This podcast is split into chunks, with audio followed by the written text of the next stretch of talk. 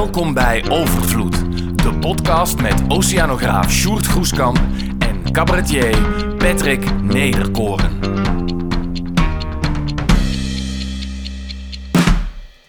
We gaan beginnen met uh, de opname van uh, de podcast.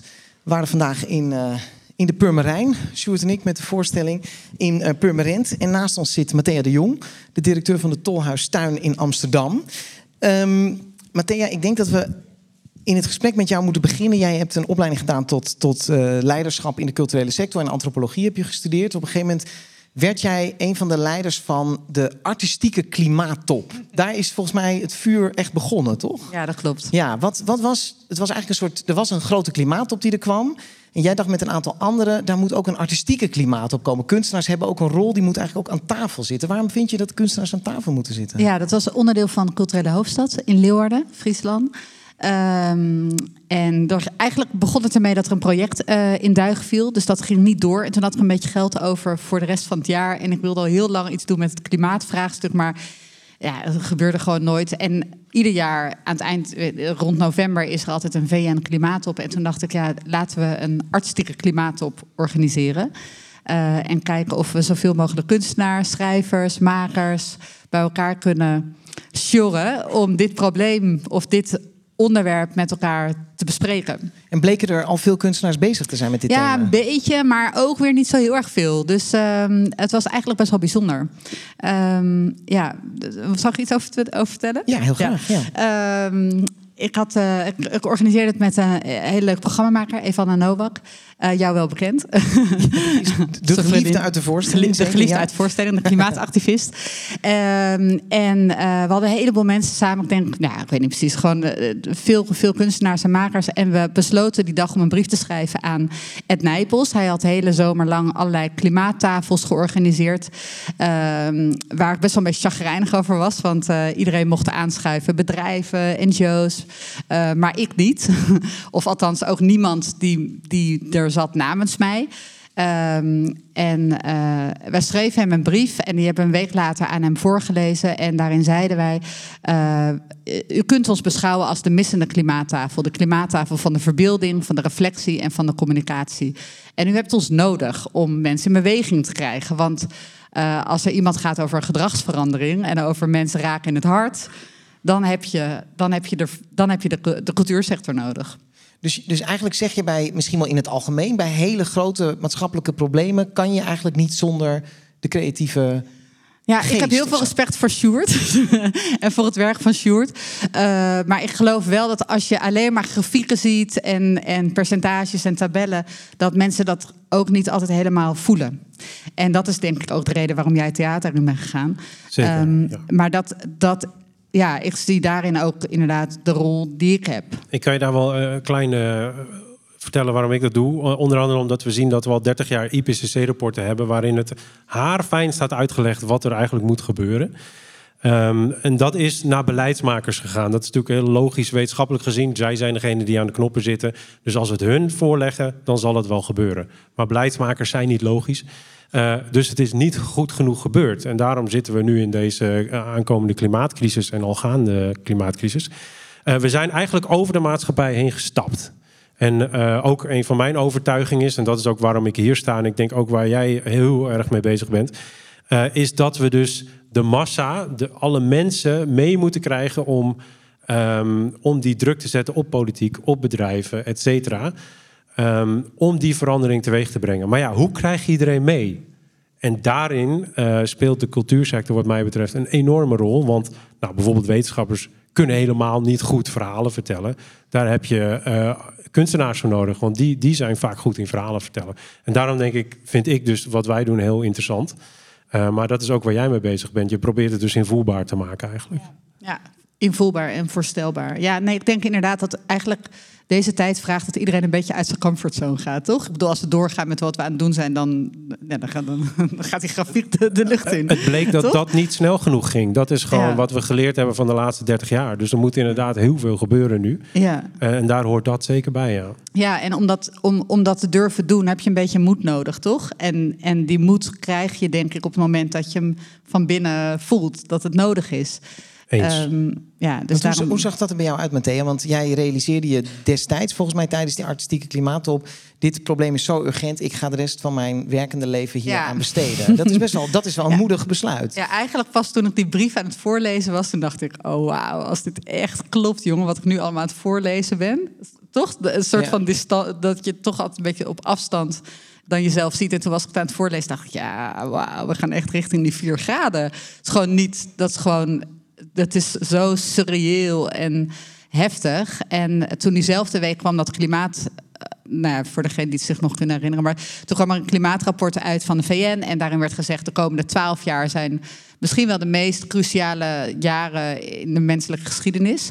Eh, en natuurlijk zijn er altijd al- allemaal van dat soort jaartallen die worden genoemd of termijnen. Maar ik dacht, ja, twaalf jaar is best wel goed. Dat is, dat is lang, Ja. maar het is ook kort. Of hoe zeg je dat? Dat is gewoon best wel substantieel. Maar het is ook, het is niet de rest van mijn leven. Dus ik dacht, twaalf jaar, ik ga het gewoon doen. Ik ga gewoon twaalf jaar alles wat ik kan doen. ehm, om, ja, om vanuit de cultuursector mensen bij dit vraagstuk te proberen te betrekken. eh, ga ik gewoon proberen te doen. En je bent toen, eh, het is nu ongeveer vijf jaar later toch? Ja. Eh, eh, je bent directeur geworden van de Tolhuis Tuin. Ja. Wel ironische plek. Dat is een plek in Amsterdam-Noord, de voormalige bedrijfskeuken van Shell. Ja, klopt. Ja, het is zeg maar recht tegenover het Centraal Station, alleen dan aan de andere kant van het ei. En het is echt een prachtig gebouw met een hele mooie tuin daarachter. En allemaal nog gebouwen waar allemaal kunstenaars zitten en dergelijke. En het is inderdaad eh, onderdeel van het oude research lab van, van Shell. Dus eigenlijk al die shit die is bedacht om, eh, nou ja, om, om die fossiele industrie sterk te maken. En die ons natuurlijk ook heel veel welvaart en voorspoed heeft gebracht. Maar die, die zetten we nu in als een aanjager voor verandering. Precies, want die Tolhuistuin heb je eigenlijk mede, dat was al volgens mij hun, hun wens, maar die heb je mede omgeturnd tot een podium waar heel vaak het over klimaatverandering Ja, gaat. zeker. En ook niet alleen maar hoor. Maar we doen er wel heel erg veel mee. Dat wat, doe je, klopt. wat kan je wat activiteiten doen? We gaan het zo nog wel even over warming-up hebben, maar wat voor activiteiten vinden er allemaal plaats? Ehm, ja, nu heb ik natuurlijk Warming Up. Warming Up Festival in mijn hoofd hebben we ook net afgerond afgelopen zondag. Eh, een jaarlijks festival over klimaatvraagstuk. Ehm, maar eigenlijk jaar rond proberen we gewoon heel erg te kijken van waar kunnen wij op inzetten? Wat kunnen we doen? Dus we hebben bijvoorbeeld ook eh, een project gedaan dit jaar, vond ik heel leuk, met een groep studenten. En hadden we gezegd, eh, we zouden eigenlijk beter ons moeten toe, toerusten, weet je wel, op de, op de tijd die gaat komen of die nu al gaande is waarin de, de weersomstandigheden ruiger zijn. En eh, toen hebben we met een groep studenten hebben een project opgezet dat heette Vijf Dagen Zelfredzaam.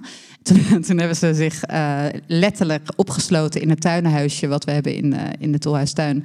In de tuin is, was, was in januari, was uh, stervenskoud buiten.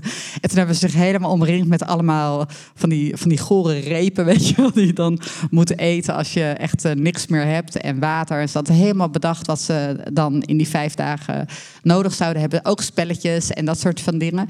En dan kregen ze iedere dag een, nou ja, ik weet niet, ik vond het een heel leuk project om, om het gewoon maar gewoon uit te gaan proberen. En waar loop je tegenaan?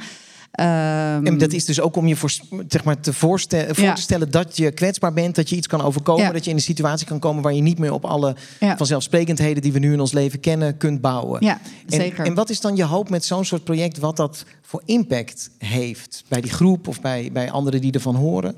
Nou, ik denk, ja, ik denk dat, je, dat je vanuit uh, een culturele plek uh, heb je uh, ruimte om te experimenteren en ruimte om te spelen en ruimte om dingen uit te proberen, toch? Ik bedoel, het is gewoon een, Zeker, een soort.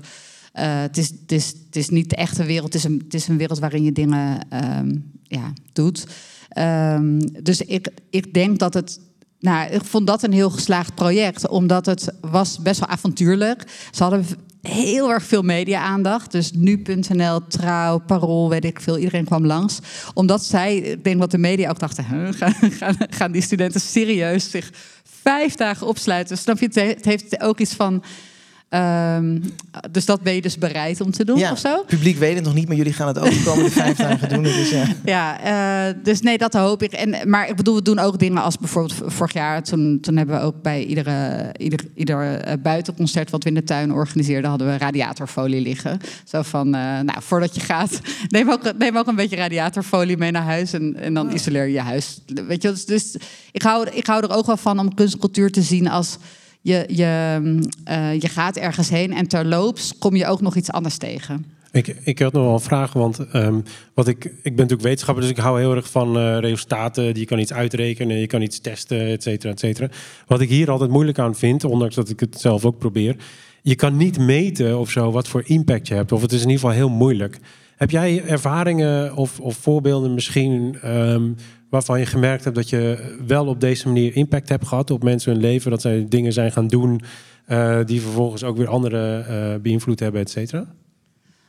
Uh, nou, even vanuit mezelf misschien wel, maar dat, kan, kan, ik nu even niet opkomen. Maar wat ik het afgelopen jaar wel heel bijzonder vond, was dat eigenlijk het hele klimaatvraagstuk steeds meer in de media is gekomen. Dus dat er steeds meer acteurs, actrices, uh, mensen, bekende mensen uit, ja, die, die, weet ik veel, die geïnterviewd worden in tijdschriften, opeens ook allemaal begonnen over klimaatactivisme en hun zorgen daarover. En dat, ik denk dat dat heel erg heeft geholpen met, met het soort, ja, dat het dat het speelt. En dat je daar dus uh, vooruit durft te komen dat het ook iets is wat jou raakt. Ik, ik denk dat je, je hebt daar uh, ooit eens een keer zei tegen mij van ja, wat je eigenlijk moet doen is uh, klimaatverandering kunnen mainstreamen.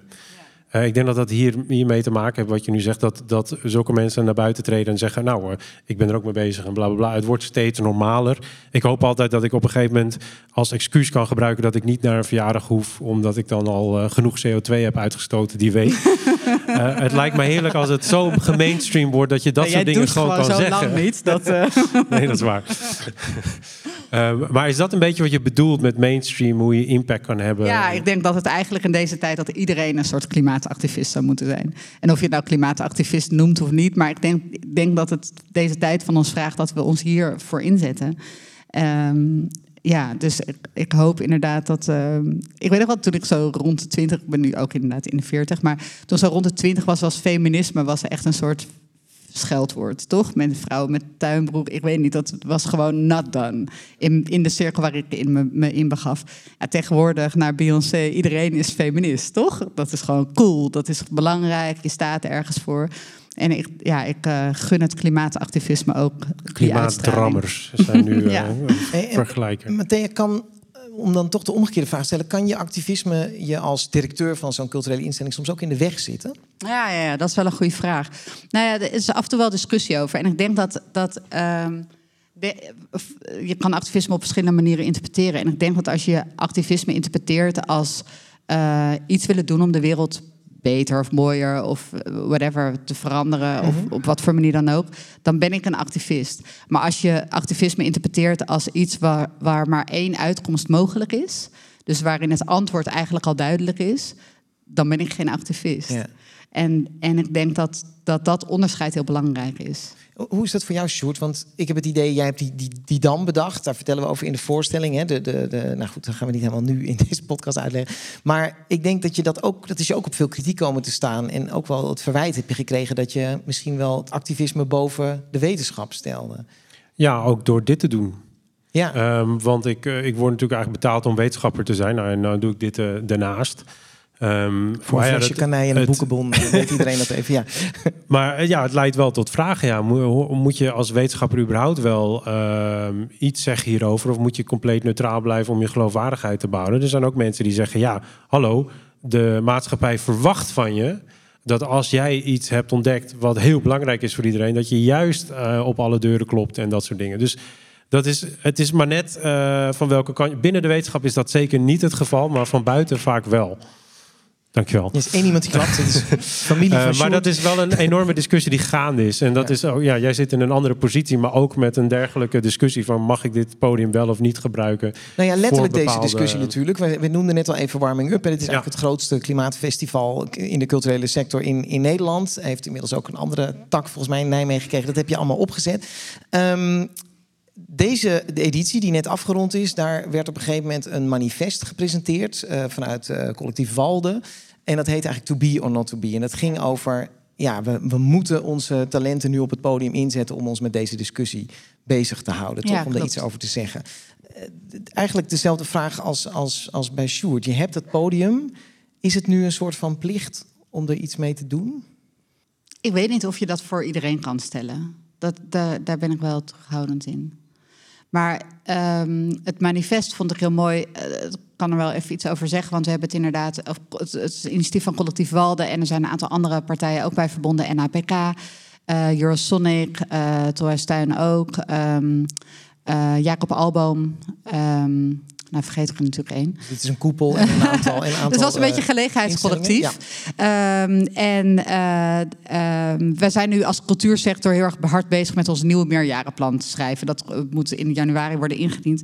En veel uh, culturele organisaties zijn bezig met dit onderwerp. Maar er is ook nog heel erg aan het begin vaak van die gedachtvorming van hoe doen we dat dan? En waar begin je dan? En hoe spreek je of hoe geef je dan een podium daaraan? Of, of richt je vooral op je eigen bedrijfsvoering. Of, nou ja, dus toen kwam Collectief Walden inderdaad met het initiatief van laten we vast een tekst schrijven.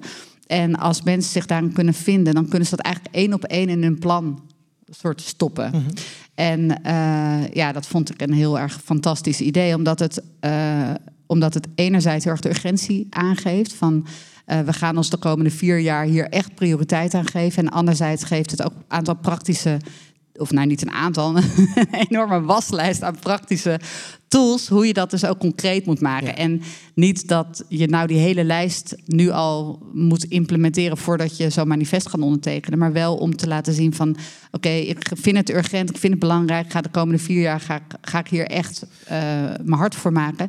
En dat kan ik bijvoorbeeld doen op deze en deze manier. En twee kanten toch? Dus, dus het inhoudelijk uh, naar voren brengen in voorstellingen, maar ook op een duurzame manier produceren. Ja, en zelfs nog ook als derde, als een soort maatschappelijke aanjager voor verandering. Ja, en wat gaat dat opleveren, denk je, als, als dat breed gedragen wordt?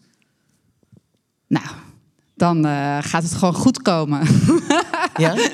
nee, ja, ik denk dat het echt heel belangrijk is. Ik, ik weet niet. Ik, ik heb een keer een heel mooi interview gelezen over de val van de Berlijnse muur in de jaren tachtig. En dat in die tijd in ieder theater, in iedere uh, bioscoop, in iedere bibliotheek, in iedere uh, markt, whatever, ging het over, over dat onderwerp.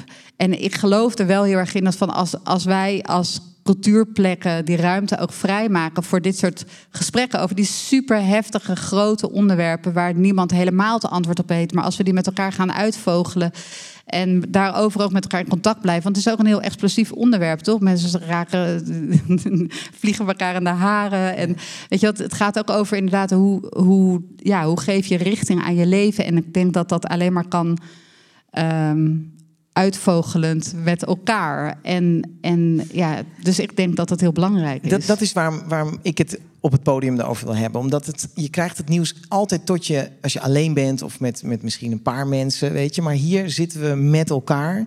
Uh, dus, dus ook als je het even spannend vindt, zit er nog altijd iemand naast je. Je zit ook nog eens in een setting die veilig is. Dus wij makers laten je zeg maar liefdevol struikelen. Uh, dat vind ik mooi aan, aan, aan dat dat in het theater kan of zo. Is in die zin voor mij, als het om maatschappelijke discussies gaat, echt een heilige plek. En uh, dat vind ik mooi dat je dat zegt, dat samen. Sjoerd nog. Nou, ik, hoop dat je nog een. Uh, nu om het. Uh, voordat we het afronden, nog iets kon zeggen over Warming Up Festival. En hoe we hopelijk dat in 2100 het Cooling Down Festival kunnen gaan doen. Tijdens ieder Warming Up Festival wordt er ook, is er ook als een Cooling Down Party. Dan gaan we ook heel erg hard dansen.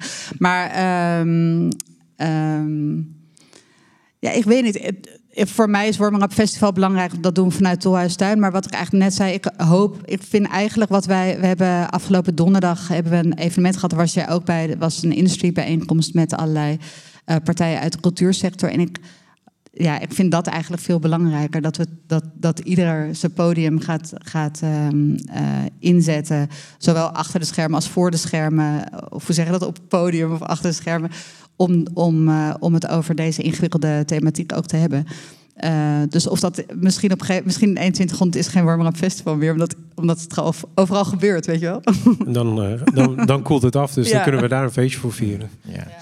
Ja. Hey dankjewel. Want jouw visie en enthousiasme en ook wel uiteindelijk optimisme uh, zorgt er weer voor dat wij als makers, denk ik, anderen weer willen inspireren. Dank dat je hier was. Dankjewel. Jong.